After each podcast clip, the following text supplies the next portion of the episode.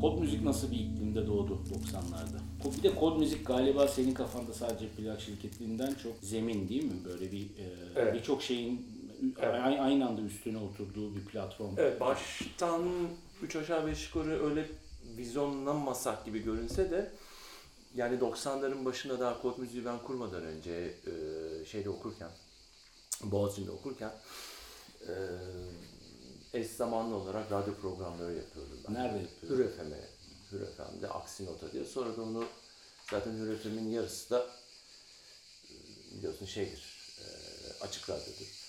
Ona da devam da ettim. O Aksi Nota'yı yaparken ki Narmanya da e, o da çok önemli bir e, oluşum filizlenmişti. Yani tüm bizim Esatlıların e, Zemin, e, ondan sonra 2 bölü 5 VZ Serhat'ın olduğu, e, ara sıra rahmetli Apache'nin takıldığı, Murat Beşer'in geldiği, şu anda hani tırnak içerisinde bir takım lider figürler diyelim. E, bunların böyle olduğu, takıldığı bir e, şeydi, e, ortamdı Narmanlı ve orada biz Osman'la beraber kurdu zaten e, beraber Osman Öztürk ve Tayfun'la beraber kurduk Aras'la.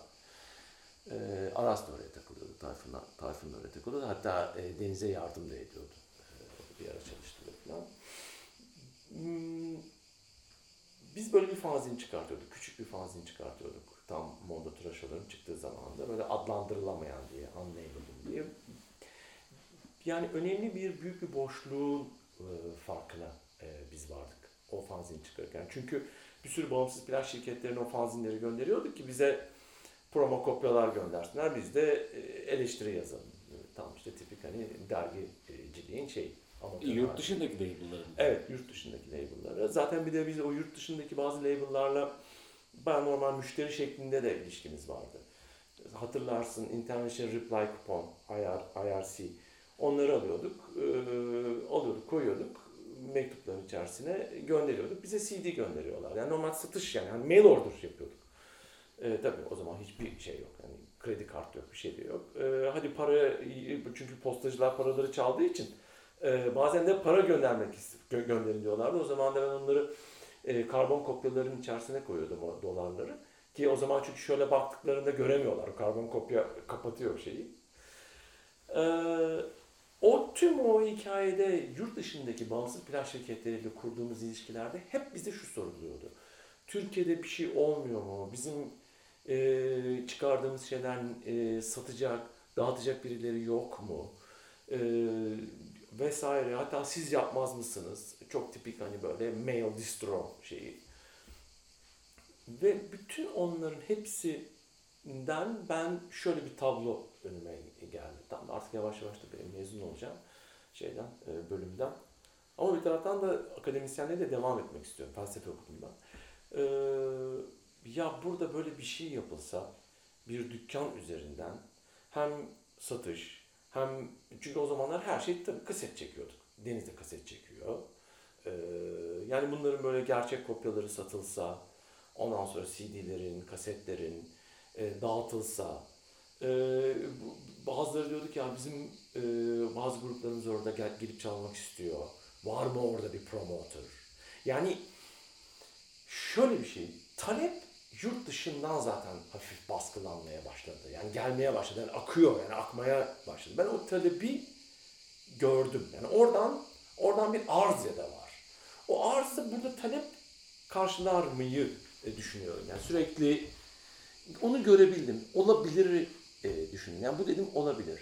Senin onu gördüğün noktada bir yandan tabii ki İstanbul özelinde konuşuyoruz. Hani belki bir miktar Ankara'dan bahsedebiliriz. Ee, böyle bir izleyici kitlesine dair bir nüve var mıydı aynı zamanda yoksa sen onun oluşabileceğini mi düşünüyordun? Yani izleyici yaratma dediğimiz kavramda e, senin dertlerinden bir tanesi miydi? Hani ben böyle bir bu arz geliyor ya bu arza Evet. karşılık burada da bir potansiyel var. Ben bu ikisini birbiriyle bir karşı karşıya getirebilirim, beraber çalıştırabilirim diye mi düşündün yoksa var mıydı öyle bir taban? Bence bir altta bir taban vardı ama o tabanı ben çok ölçebilecek kadar tabii ki e, elimde doneler yoktu. Günün sonuçta çünkü iletişim araçları çok daha farklı olduğu için 90 başlarında. Bugün insanlar şu anda organizatörler ne yapıyor? Türkiye'de kaç tane Spotify dinleyicisi var diye bakmaya çalışıyor. Ya da YouTube'da kaç kere tıklanmış diye bakıyor. Diyelim ki daha bilmeyen bir grubu. E, bizim tabii öyle bir şansımız yoktu. Ama ben o dönemde de müzik sahnesinin içerisinde e, yani kısmi kendim üretmiş ve biraz da böyle var olan birisi olarak onun o talebi ben olduğunu biraz hissediyordum. Yani en azından sezgiliyordum. Çünkü tüm müzik dükkanlarının hepsi benim arkadaşlarımdı. Zihni benim arkadaşım, Deniz Kitabevi benim arkadaşım. Ondan sonra ya, ya müşterileri olmuş, müşteriden arkadaşlar dönüşmüş ya da zaten arkadaşım.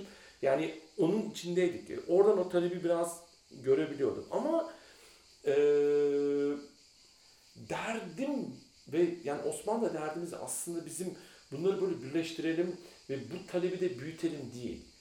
Sevdiğimiz şeyi sadece yapmak istiyorduk. Yani hikaye o aslında. Kod müzik hikayesinin tamamen başlangıcı veya özü odur. Yani ben bu müzikleri seviyordum Sarp. Ve zaten onun için zaten radyo programını yapıyordum. Yani Hür FM'den para almıyordum ki ben. Açık Radyo'dan hiçbir zaman para almadım yani. Halen de almadık yani. Ee, o, onu ben seviyordum. O hikayeyi seviyordum. O müziği seviyordum. Ve o müziği yaymak, o müziği birileriyle paylaşabilmek, iletebilmek ve orada olabilmek yani. Az kendini ifade etmek. Yani müzik yapmaktan çok bir farkı yok aslında. Aslında kendi benzerlerini de bulmak ve Evet, beraber evet. iyi vakit geçirmek. Evet, e, aynen. he- Ama orada böyle sevdiğin küçük şeyi bir, paylaşmak. evet, sevdiğin şeyi paylaşmak. Yani çok şey odur. Yani esas özü Çok basit bir e, güdü. çok yani. basit bir şey. Aynen. Sevgi. Bu kadar. Yani e, başkası değil. Ondan sonrası o zaten kendi kendine zaten dönüşüyor ya da ilerliyor ya da e, ilerlemek çok doğru bir kelime değil belki çünkü progresi e, işaret ediyor. Progres kelimesini sevmiyorum ben. E, ama dönüşme ve böyle bir evrimleşme ya da bir başka bir şeye Yol böyle bir başlıyor. yol kat etmeye başlıyor. Aynen. O, o da e, yani kaçınılmaz bir şey.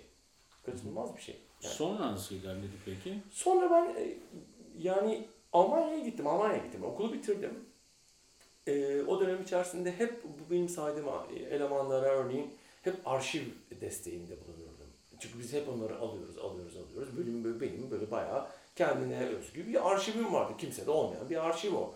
Tüm o fugaziler, bilmem neler, Amerikan yeraltı toplulukları vesaire vesaire böyle. E, liste veriyordum Deniz zaten. Benim bir listem vardı. Kayıtları ben yapıyordum. Deniz onları sanki kendi arşiviymiş gibi arşivin içine koyuyordu. Ondan sonra ben e, bakıyordum, kayıtlar geliyordu. Anlıyordum. Zihniye de aynı şekilde. Onları veriyordum yani. Sonra e, orada zaten o talebi zaten anlamıştık. E, şirketler var. Ondan sonra e, ne diyeyim daha başka?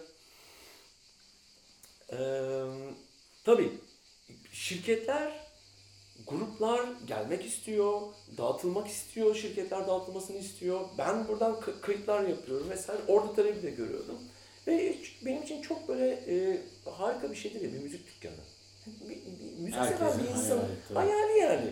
Kendi Deniz- tapınağını kurmuş. Evet, orası. aynen. Evet, tamamen öyle. Çok da böyle e, acayip kafamdan geçiyordu ama bir taraftan da gerçekten felsefe benim için başka bir çok önemli bir böyle bir hayatım ve orada felsefeci olmak istiyorum, akademisyenlik yapmak istiyorum. E, o tabii ki çok böyle başka bir tutkuydu benim için. Onu ben gerçekleştirmek üzere bitirdikten sonra şeyi, lisansı bastım gittim Almanya'ya. Köln'e gittim işte orada normal başladım, e, master'a başladım. Ama şeyim devam ediyor. Mü- müzikle olan tüm hikayem devam ediyor. Osmanlı biz oradan yine o fanzini çıkartıyoruz. Ben şey yapıyorum. Tabii orada görümü çok arttırdım. Tahmin edemeyeceğin kadar konser seyrettim. Her birisini götürüyorum. Bir fanzin veriyorum. Beni hemen guest liste koyuyorlar. Söyleşi yapalım diyorum. Bazıları söyleşi yapıyorum. Bazıları diyorlar ki "Ya siktir et söyleşi Allah aşkına gel şurada oturalım şeyde kuliste bira içelim takılalım. Ondan sonra bilmem ne falan. Oo, ne gruplar seyrettim yani böyle şimdi böyle şey gibi rüya gibi.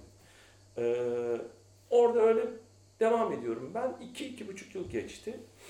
Ee, 96'nın başında, 95'in sonunda ben işte bir Ruins konseri yaptık. Çok efsane bir konserdir o Roxy'de. Evet, evet. Tayfun, Ünver hepsi e, bu oradan hallettiler. Ben oradan Tatsuyo'yu hallettim. Almanya'dan ta Japonya'ya fax çekiyordum. Garip garip şeyler. Tamamen sevgiyle alakalı. Yani niye yapmak istersin Ruins konseri yani? kendi, kendi halinde bir adamsın yani. Sonra çünkü o istedi. Biz dedi turnenin sonunda dedi şeyden uçacağız dedi. Ee, İstanbul'dan. Geri döneceğiz Japonya'ya. İstanbul'da çalamaz mıyız dedi. E, başımın üstünde yerim var dedim. Ya Zaten benim hayatımı etkilemiş en önemli topluluklardan biri. Ee, onu yaptığımızda ben orada çok acayip bir gaza geldim.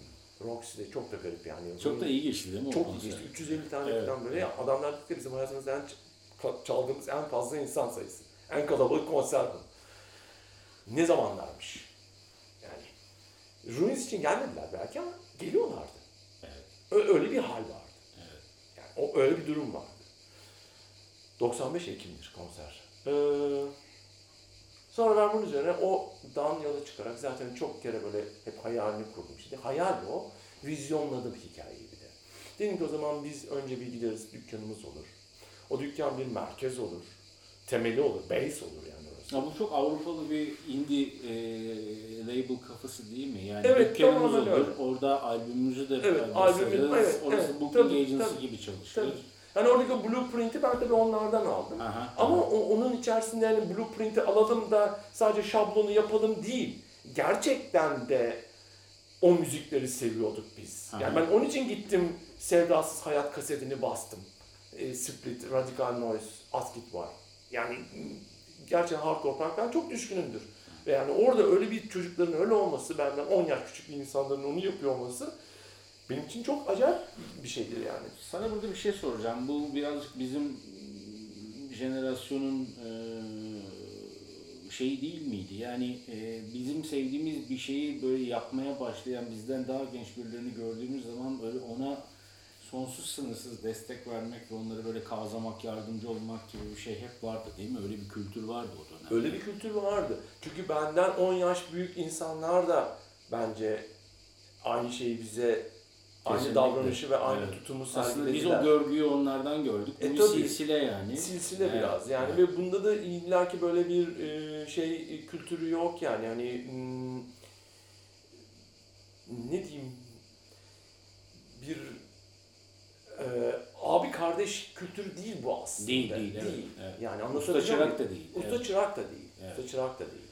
Evet, aslında böyle aynı e, şeye ayağını basma, aynı yani aynı seviyeden ay- alana ayağını basma, Tabii, e, tabii. ortak şeyi sevmekten Evet, kaynaklanan bir Çünkü tür böyle zaten- kardeşlik gibi bir şey. Evet çünkü zaten bir de biliyorsun sen de bu işlerin içindesin. Hepimiz oradan çıkıyor. Yani rock'n'roll zaten biraz e, gerçekten Müslüman mahallesinde salyangoz satmak gibi bir şey. Sevmek de öyle bir hikaye. Evet. Öyle olduğu için zaten orada o küçücük genç yaşta o ergenlikte o kimliği oluştururken o çok önemli bir, bir şey oluyor. Yani sen orada ayrıksı hissediyorsun kendini. Hı hı. Çok daha farklı hissedebiliyorsun. Yani o sonik dünyanın sana verdiği böyle sızan böyle bir süblim böyle çok böyle bilinçaltına böyle sızan bir bir şey var. Oradan bir kimlik de oluşturuyorsun. Yani e, ve o çok değerli bir şey. Çünkü orada onun sayesinde belki anne babana, belki yakın çevrene, mahallene, belki de okul müdürünün baskısına. Yani her şeyine oradan şey İtiraz edebiliyorsun. İtiraz edebiliyorsun. Ya da itirazını en azından biraz daha katarsiz oluyor ve böyle bir o itiraz böyle bir daha bir var böyle bir ehlileşmiyor ama seni de parçalamıyor ya da bilmem ne yapmıyorsun yani. Hı hı. Ee, ne demek istediğimi anlatabiliyor muyum? Gidip tinerci de olmuyorsun. Hı hı. Ya da e, Bağdat Caddesi'nde e, o ergen e, enerjiyi çıkarabilmek için yarış da yapmıyorsun. Hı hı. Yani çok başka bir bir şeye dönüşüyor. Çok daha sağlıklı bir şey bence keşke, keşke bence tüm herkes böyle bu rock'n'roll belasına e, ergen yaşta şey olabilse. Onun için o çocukları ben orada bir, yani bizim Emre'ler işte yani Emre Şahinler, Radikal Noz yani onlar e, bizim için çok önemli bir şeydi. Ardından Gökalp'i bastık. Ondan sonra gittik e, işte Açık Radyo'da Crunch'ın albümünü kaydettik. The Love albüm. Öyle e, ve bir janraya da bağlı kalmadan. Çünkü dün dükkan öyleydi. Böyle spesifik bir şeyi e, satmadık yani. Sadece atıyorum indie müzik. Smith sadece Smith ve türevlerini satmadık.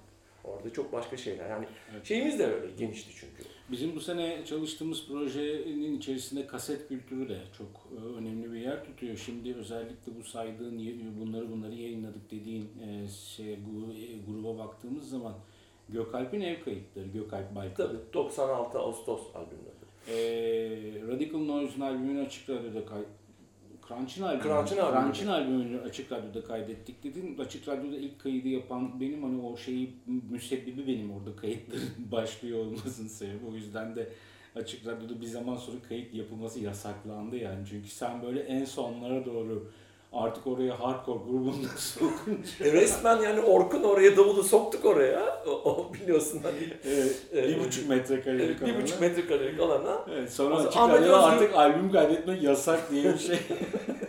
Ahmet Özgür de aldı kaydı yani. Tüm yani Evet, evet. şimdi düşünüyorum da yani hani delilik.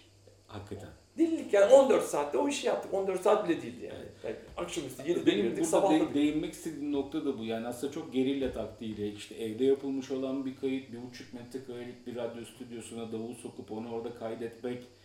Ondan sonra e, senin sonra diğer yayınladığın e, birçok e, şeyde de albümde de benzer e, mantıklar var.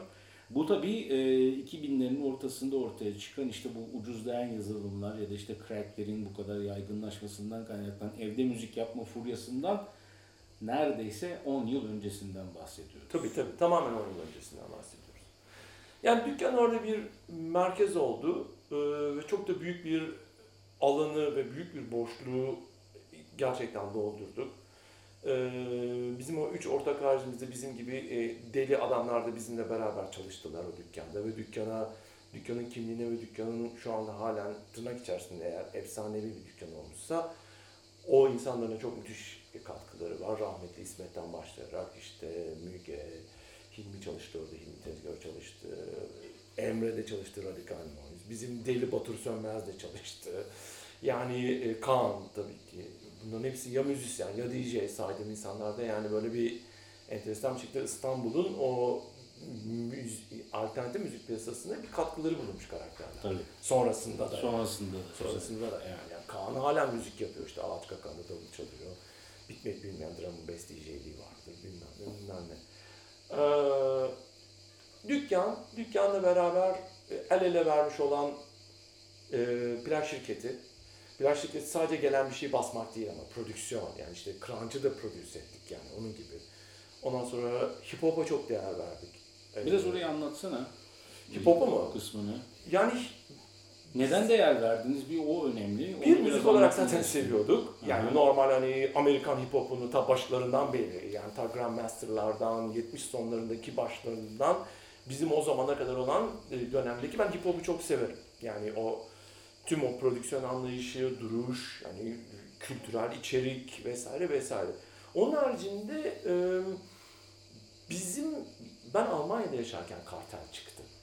Ve ilk orada çıktı. Türkiye'de patlamadan önce. Hı hı. Ve o dönem Almanya'da rolü diyebileceğim ya da e, daha da başka bir yeri de var aslında. E, Spex diye bir dergi vardır. Çok önemli bir e, bağımsız e, müzik dergisi. Alman. Yani Wire'ın Almanca karşılığını düşün. Orada onlar çok akıllı adamlardı, çok zeki adamlardı e, arkasındaki ekip. Karteli kapak yaptı. Bu ama daha baş, patlamadan önceki, böyle bir 4 ay, 5 ay önceki bir zamandan bahsediyorum. Ben şok geçirdim, dergiyi sürekli alıyordum. Yani bir öncekisinde atıyorum Ken kapakken ya da Payment kapakken birden böyle bir tipler Türk böyle bir poz vermişler. Yeni gelecek müzik falan gibi bir alt başlığıyla kartel. Ondan sonra çok heyecanlandım. Hemen gittim CD'yi aldım bilmem ne yaptım falan. Ee, ben orada hemen çakozladım. Yani bu sokak denilen hikayenin ve realitenin çok rahat Türkçe'de hip hop aracılığıyla dile getirilebileceği ve getto'nun, varoşun da arabesk harici başka bir dil, başka bir müzikal dilde kendisini anlatabileceği ve var olabileceğini e, hemen anladım yani kurdum, kurguyu kurdum ve e, yavaş yavaş bak bakmaya başladım ama hep o ilk prodüksiyon, o kafa hep e, bizim Almancılardan çıktı. DJ Mahmut da olmak üzere. DJ Mahmut'u hemen keşfettim. Ondan sonra ve nitekim bastık. sonra. Daha sonra lisansladık. Zaten onlar çıkarmışlardı. Mahmut kendi şirketinden. Loop Down'dan çıkarmıştı. Kod müzik olarak bastık. Hatta bir de bir klip de çektik vesaire vesaire. Şeyde e, Göztepe'ci vardı falan böyle trafiği mırafiği durdurarak falan. Ee, hip hop o anlamda çok çok e, önemliydi bizim için ve sonra yavaş yavaş o Mahmut'u basınca bizim o ilk oluşumlar işte silahsız kuvvet maalesef sonra Sagopa Kajmer gibi bir karaktere dönüşmüş olan Yunus adı Yunus'tur o çocuk Ee, şeyde Power FM'de DJ'lik yapan bir çocuktur radyo DJ'liği yapan ee, nitekim bilgin yani ceza nefret olarak ve onlar onlar da bizi buldular kim bunu hani Mahmut'u basıyor bilmem ne ve ondan sonra da o önemli toplamayı bastık yeraltı operasyonu Hı hı. Tunç Dindaş'la o, o da grafiticidir aynı zamanda hip hop sayfası yapıyordu şeyde e, Blue Jean'de. Önemli Hip hop çok önemli. Yani çok önemliydi. Yani hala da önemli. Ben önemsiz demiyorum. Ee, hemen sahiplendik. Yani s- sahiplenmeme durumumuzda söz konusu değildi. Müzik olarak da çok seviyorduk. Yani ben o zaman sürekli A Tribe Called Quest, yok Arrested Development, Public Enemy, ondan sonra LL Cool J. Hepsi bir Amerikan hip hopunu ben çok severim. O dönemde konser e, organizasyonu da devam ediyor ama değil mi? Konser organizasyonu e, yani bunların hepsi 96 ile çok hızlı bir şekilde yaptık. 2001 arasında sığdı. Tüm bu albümleri basmak. E, dükkan ona keza. Ve o sırada ben bir kısa askere gittim. Kısa dönem askerlik yaptım. Askerlik yaptığımda şeyi anladım ama. Ve, ama prodüksiyonlar hep zarar. Sürekli zarar ediyoruz. E, çünkü hep böyle ilklere de imza attık. Örneğin ben biz o dönem tabii bir de dans müziği de yavaş yavaş çok yükselişte, kulüp müziği. Ve ona da uyandık, onu da çok da seviyoruz ve bir taraftan da önemli, çok önemli plak şirketlerinin hep dağıtımcılığını yapıyoruz. Warp, Ninja Tune, tekno şirketi Trezor, Berlinli. Ondan sonra çok önemli şirketler. Bu arada Knitting Factory'yi de siz getirdiniz. Knitting Factory'i de biz getirdik. Evet. Tabii çok Evet. önemli label'dı. Ee, ondan sonra ona da uyanmış durumdayız. Ee, ve de o da o da gür, gümbür gümbür geliyor tabii. Esas elektronik müzik gümbür gümbür geliyor. Yani çok böyle peak edip yani iyice böyle olduğu zaman tam sahiplenmiş durumdayız. Drum and bass'ler, e, ondan sonra house, techno, breakbeat'ler, e, Warp'un şeyleri, Afex Twin'ler, Square Pusher'lar, Otaker'lar falan. Ee, bir tane bir çocuk geldi benim o e, aksi istikamet için. Böyle bir, bir şey bıraktı. Bir baktım ben, bu çok iyi bir house parçası. Bu ne ya filan dedim ya sen nasıl Servus. yaptın bunu? Şey yok e, bizim e, Mert, Mert Yücel. Mert Yücel. Sen dedim kimsin nasıl yaptın bunu? Çok bir basit güzel böyle bir piyano loop'u almış onu böyle. Ondan sonra ona gittik güzel böyle bayağı bir prodüksiyon yaptık. Hatta Levent Pekel şarkı sözleri yazdı ona. iki tane vokalli parça çektik, kaydettik, yaptık ettik falan falan. O Mert'in albümünü bastık. His diye. Tam o sırada deprem oldu. 99 depremi oldu. Ciddi patladık böyle. Satamadık o albümü çünkü bir, bir 3 ay 4 ay zaten ülke yastaydı bilmem ne. Yavaş yavaş ekonomik şey orada daralmaya başlamıştı. Ve ben askere de gittim 99'un Ağustos, e, pardon Nisan'ında uzun dönem yaptım. Yani çavuşluk yaptım. Kısa dönem ama o uzundu o zaman. Biliyorsun 8 ay değil asker. Ondan sonra depremden de yırttım bir 6 ay yaptım aslında. 2 ay geri geldim. Şeyi anladım o sırada. Bizim bu yaptığımız şey çok çok çok radikal bir şey. Türkiye'de hiçbir karşılığı yok. Çünkü o da şöyle oldu. Çok e, garip bir epifanik bir şey. Sabah yine böyle normal standart bizim 28. piyade alayı ben hizmet hizmet birliğindeyim. Hep böyle sabahları şey açılır. E, sen de yapmışsındır. E, kahvaltı edilen yerde normal hani Kral Murat açılır. Kral TV'de sabahın köründe bizim Mahmut'un klip dönüyor. Garip dünya. Ondan sonra nereye baksam nereye baksam dünya ters dönüyor. Allah ben dedim açın açın açın sesi açın koşturuyorum öyle. Ondan sonra bir kişi bile ilgilenmedi. Orada böyle bayağı normal çavuşlar falan vardı böyle hatta İstanbul'da insanlar. Urban'ın sahibi hatta şey vardır bizim. O da ben de aynı e, şeydeydim. Birlikte. Ergün. Hiç kimse kafasını çevirmedi. Ben o zaman dedim ki ha okey. Biz çok küçücük kendi dünyamızda bir sırça falmış bir dünya yaratmışız. Ve onun içerisinde dönüp do- dolu- dolaşıyoruz. Bu beyhude bir iş. Ve sadece bize para kaybettirmekten başka hiçbir şey yaramayacak. Hemen hiç unutmuyorum. Onun ertesi günü Osman dedim ki abi durduruyoruz. Çünkü sürekli biz alttan bize uyuyor. Yani dükkan sübvanse ediyor prodüksiyonları. Yani tamam yapalım ama dedim ki prodüksiyon yapmıyoruz. Bizi getiriyorsa basalım. Ama klip çekmeyelim. Kayıt parası vermeyelim. O production'ı şey yapmıyorum çünkü döndürmüyor. Yani satış olmuyor. En fazla sattığımız şey zaten Gökhan Tabak oldu. O da Re- karikatürist reçel. olduğu için. Reçel. Reçel. Ama o dönemde Gökhan Dabak da çok eee sevilen ve böyle Sevilen bir figür. hip bir şeydi, şey, karikatüristi. Evet, evet. Yani şey var, takipçisi var. Zaten o takipçi aldı o müziği yani. yani hatırlıyorum yani. Vay be dedik yani. Onu sattık yani.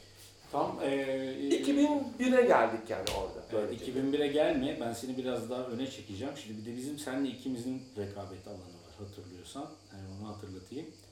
Ee, ben sesimizi yükseltiyoruz toplamasını hazırlamaya çalışıyorum. Sen aksi istikameti Aksi istikamet. yapıyorsun ve Evet. ara sıra ben sana uğruyorum. Sen sürekli olarak bana şeyi soruyorsun. Ben de sana aynı soruyu soruyorum. Ne yapıyorsun? Ne yaptın bitirdin mi? Tamamladın mı? Evet, evet, evet, evet. Hangimizinki önce çıkacak evet, diye. evet. Şimdi biraz önce kontrol ettim. Ee, sesimizi yükseltiyoruz. Bir 8 ay kadar önce çıkmış aksi istikametten. Hı hı. Ee, dolayısıyla e, bir şekilde ipi ben önde göğüslemiş gibi görünüyordum ama aslında ikimizin de o anda, e, o dönemde kafa yorduğu mesele bu e,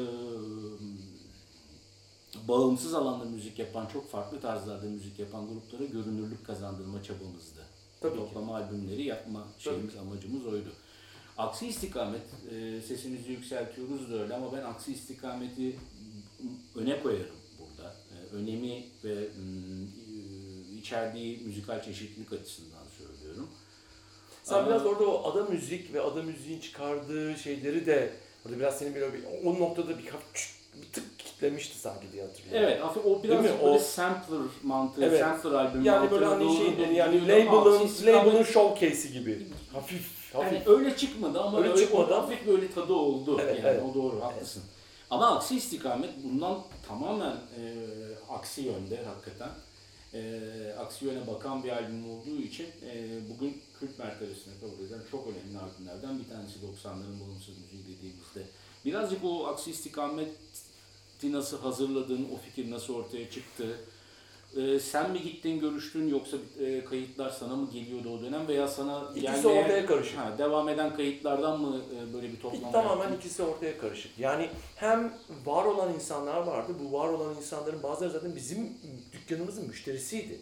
Yani bu insanlar geliyordu bizden bir sürü CD alıyordu, muhabbet ediyorduk. Yani bir kısmı zaten var olan karakterlerdi. Yani ya, ya bir albüm çıkarmışlar ya da e, canlı sahnede varlar. Tıpkı replikas gibi daha herhangi hiçbir şey çıkarmamışlardı. İlk kayıtlarını bize e, verdiler bili- biliyorsun o şeyde. Evet, o, o kaydı ben alacaktım albümü ama sen kazandın. Öyle mi? Bak onları detaylarını bilmiyorum. Gulyabani O müzik. Gulyabani müzik. Ee, ondan sonra e, bir kısmı da gerçekten bize demo bırakıyordu.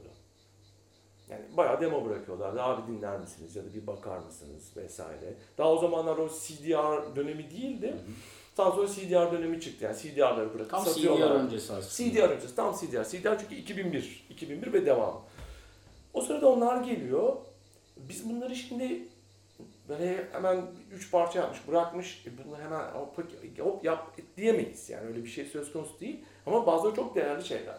Tıpkı atıyorum Ferdi'nin yaptığı Toy Boy Porno gibi. Evet. Şimdi çocuk iki üç tane şey yapmış. Çok acayip. İzmir'den çıkmış bir karakter. Böyle çok sert, karanlık bir müzik. Elektronik böyle.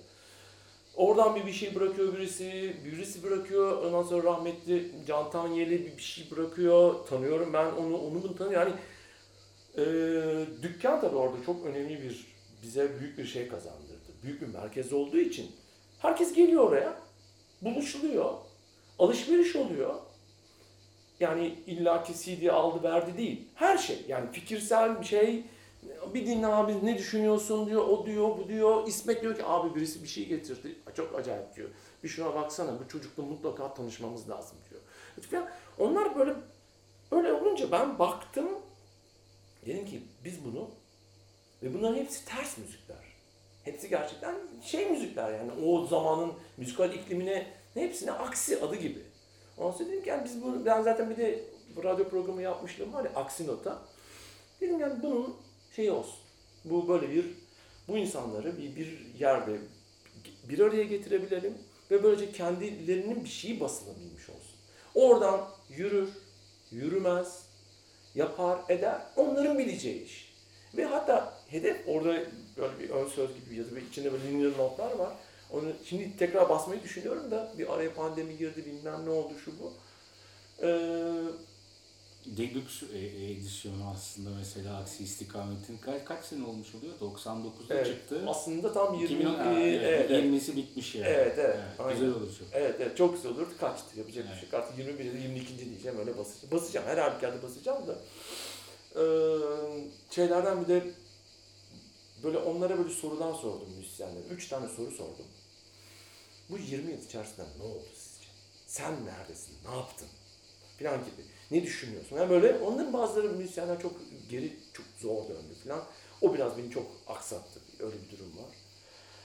Ee, soruna yanıt olarak hepsi ortaya karışık. Kimileri getirdi, kimi ama hepsinin esas şey merkez orada dükkandı. Ve ben her yıl onu yapacaktım. Yani hı. orada da öyle diyoruz. Umarız yani bu bir tane olmaz. Devamları olur, başka aksi, aksi istikametler olur. Ee, mühim olan bu gibi. Olurmuş da şimdi düşünüyorum aslında olurmuş ama e, kriz bizi orada çok kötü vurdu. Yani o 2001 krizi e, büyük bir şeydir, büyük bir baltadır yani. Senin 90'larını bitiren şey ne oldu? Yani sen senin hayatını 90'ları noktalayan olay ne? Hmm. Ne kapattı 90'ları? Özel bir şey oldu, özel bir. Kızımın doğuşu 2000'de doğdu. Çok güzel. Ee, benim aklıma gelenler bunlar. Peki Temel olarak senin hani bunda anlatalım buna da değinelim dediğin bir şey var mı? Ya Yok. şurayı da konuşsak iyi olur. Ha şeyi soracağım sana. yani hani 90'lardan bugüne Bir sorun bakış, daha vardı, unuttum. buradan evet, oraya. bugün, bugünden bakınca 90'ları nasıl görüyorsun? Bir genel bir öyle bir değerlendirme alayım en azından. Ee, bizim memlekette özel durumlar da var bence 90'larla ilgili. Ee, yani atıyorum Leeds'te e, 90'larda yaşamış olmakla İstanbul'da ve Türkiye'nin kültürel ikliminde 90'larda yaşamış olmak bence e, ciddi farklı. Ortaklıklar olmasına rağmen. Eminim ki şu anda 50 yaşında ve 90'larda 20 ile 30 yaşları arasında 30'u böyle geçme durumlarında olmuş kişiler de bizim bazı e, tespitlerimize katılacaktır. Leeds'te ya da atıyorum San Paulo'da ya da bilmiyorum Moskova'da yaşayan birileri. Ama onlar tabii ki evrensel. E, özellikle de iletişim araçlarının çok ciddi, radikal bir şekilde hem hızlı hem de böyle şey olarak e, değişikliğinden dolayı. Ama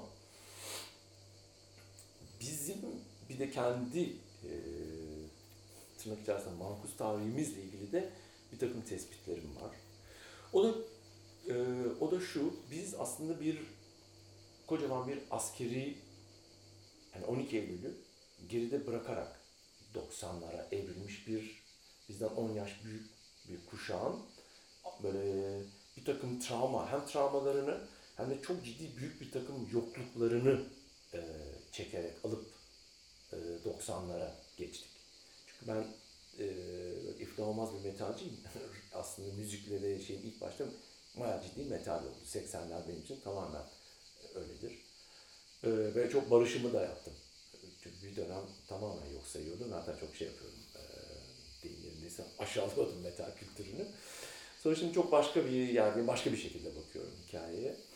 Seviyorum bir de. Yani hala Sepultura'yı çok seviyorum. Ee, orada da o belgesel üzerine çalışıyorum. Türkiye Metal belgeseli üzerine çalışıyorum. Eğer Çağlan ölmeseydi de başka bir şekilde yapacaktık. Böyle başka bir şeyim de var. Bir travmam ve bir kaybım var. Hmm, Karşıma üç tane anahtar kelime çıktı. O belgeseli çalışırken.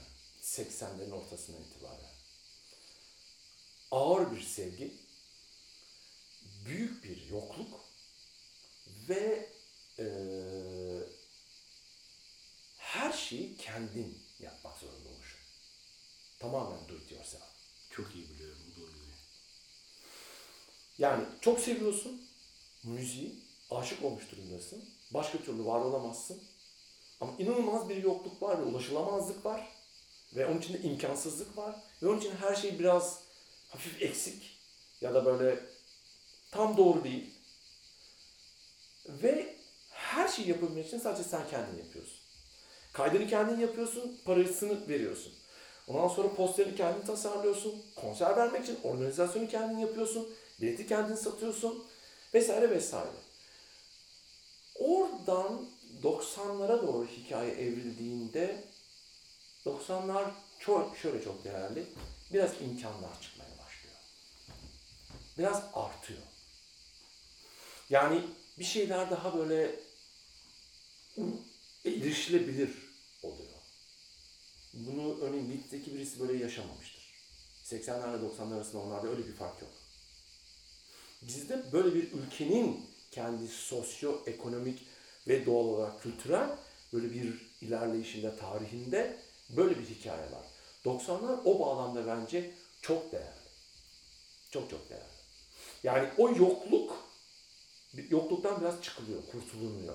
Yani özellikle liberal ekonominin gelmesi, post özelizm diyeyim sana.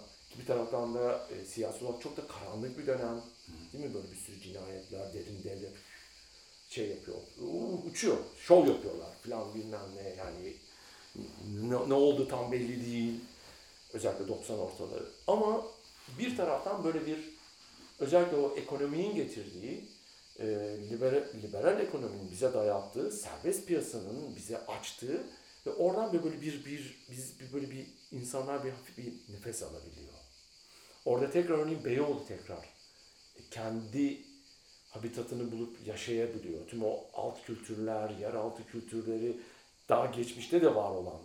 Orayla böyle bir barışık bir şekilde yani her şey böyle iç içe o, o bence tamamen biraz ekonomik tarafı var ve biz orada onu yapabiliyoruz. Yani ilk bağımsız radyoda orada 90'larda var olabiliyor, kurulabiliyor. İşte bağımsız plak şirketleri de olabiliyor, basılabiliyor. Hani hepsi ilkler 90'lar böyle hep ilklerin gerçekleşebildiği e, bir dönem. Yani buna çok öyle nostaljik olarak bakıp aa 90'lar ne kadar iyiydi bilmem ne demenin bir alemi yok. Ama tarihi olarak da hakkını da vermek de gerekiyor. 90'lar öyle bir şey. Yani 90'larda orada böyle bir sürü e, hikayenin ilki oldu. Yani biraz böyle bir hafif yer, e, tırnak içerisinde ben müzik adına söyleyeyim bunu. E, rock and roll'un daha kurumlaşabildiği, kurumların birazcık daha küçük küçük böyle oturabildiği. Yapısallaşabildiği. Yapısallaşabildiği. Aslında, Aynen. Aynen. Ziyade e, kurumsallık evet, demeyelim, yapısallaşmak daha doğru. Hı-hı. O çok haklısın, tamamen doğru. Yapısallaşabildiği bir e, dönem. Biz de o şanslıymışız ki o yapısallaşma sırasında aktif olarak ona bir takım e, küçük küçük ya tuğla hesabı katkılarımız oldu. Bizim bir tuğla orada sanıyorum herhalde duruyor. Yani evet. övünmek adına değil ama tarihi şeyinde vermek adına. Ee, öyle yani bu zamana da ben nasıl bakıyorum? Yani öyle çok böyle yaşlı, sürekli mızmızlanan ve şikayet eden ihtiyar gibi tınlamak istemiyorum ama çok ciddi büyük bir evrilmenin e, halen yaşıyoruz. Ben pandeminin bile bunun bir parçası olduğunu düşünüyorum.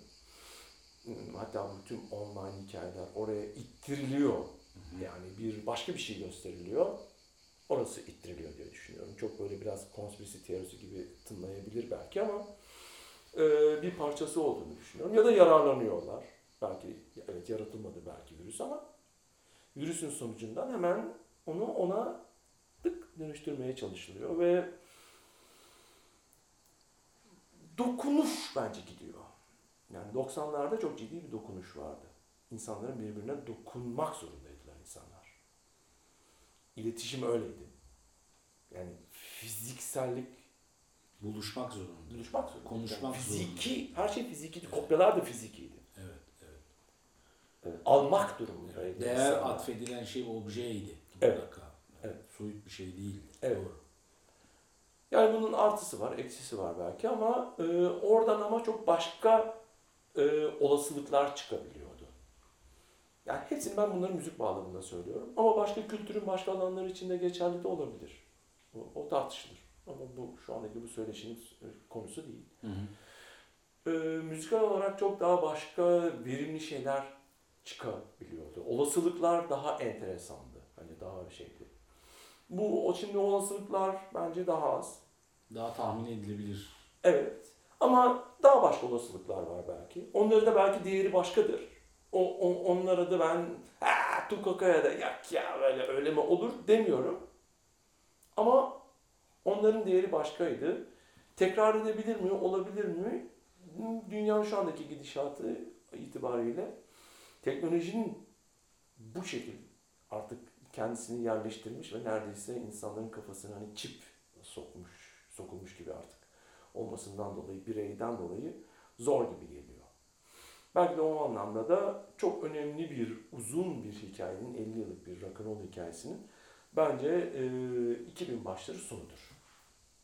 Biraz, biraz iddialı dinleyecek ama sanki öyle gibi geliyor bana. Yani 2005'ten sonra hikaye başka türlü bir şeye doğru evrildi. 2010'dan sonra zaten biraz e, unutabiliriz. Yeni bir şey, yeni, yeni bir yeni bir şey başladı yani. Bir şey soracağım. O dönemki e, arşivlerin da, e, şöyle sorayım. O dönemki flyerlar, posterler, yaptığınız video klipler, ondan sonra Hepsi duruyor. Hepsi duruyor mu? Duruyor. Duruyor. Ha, Küçük küçük iyi. küçük küçük onları bir siteyi yenileyeceğim.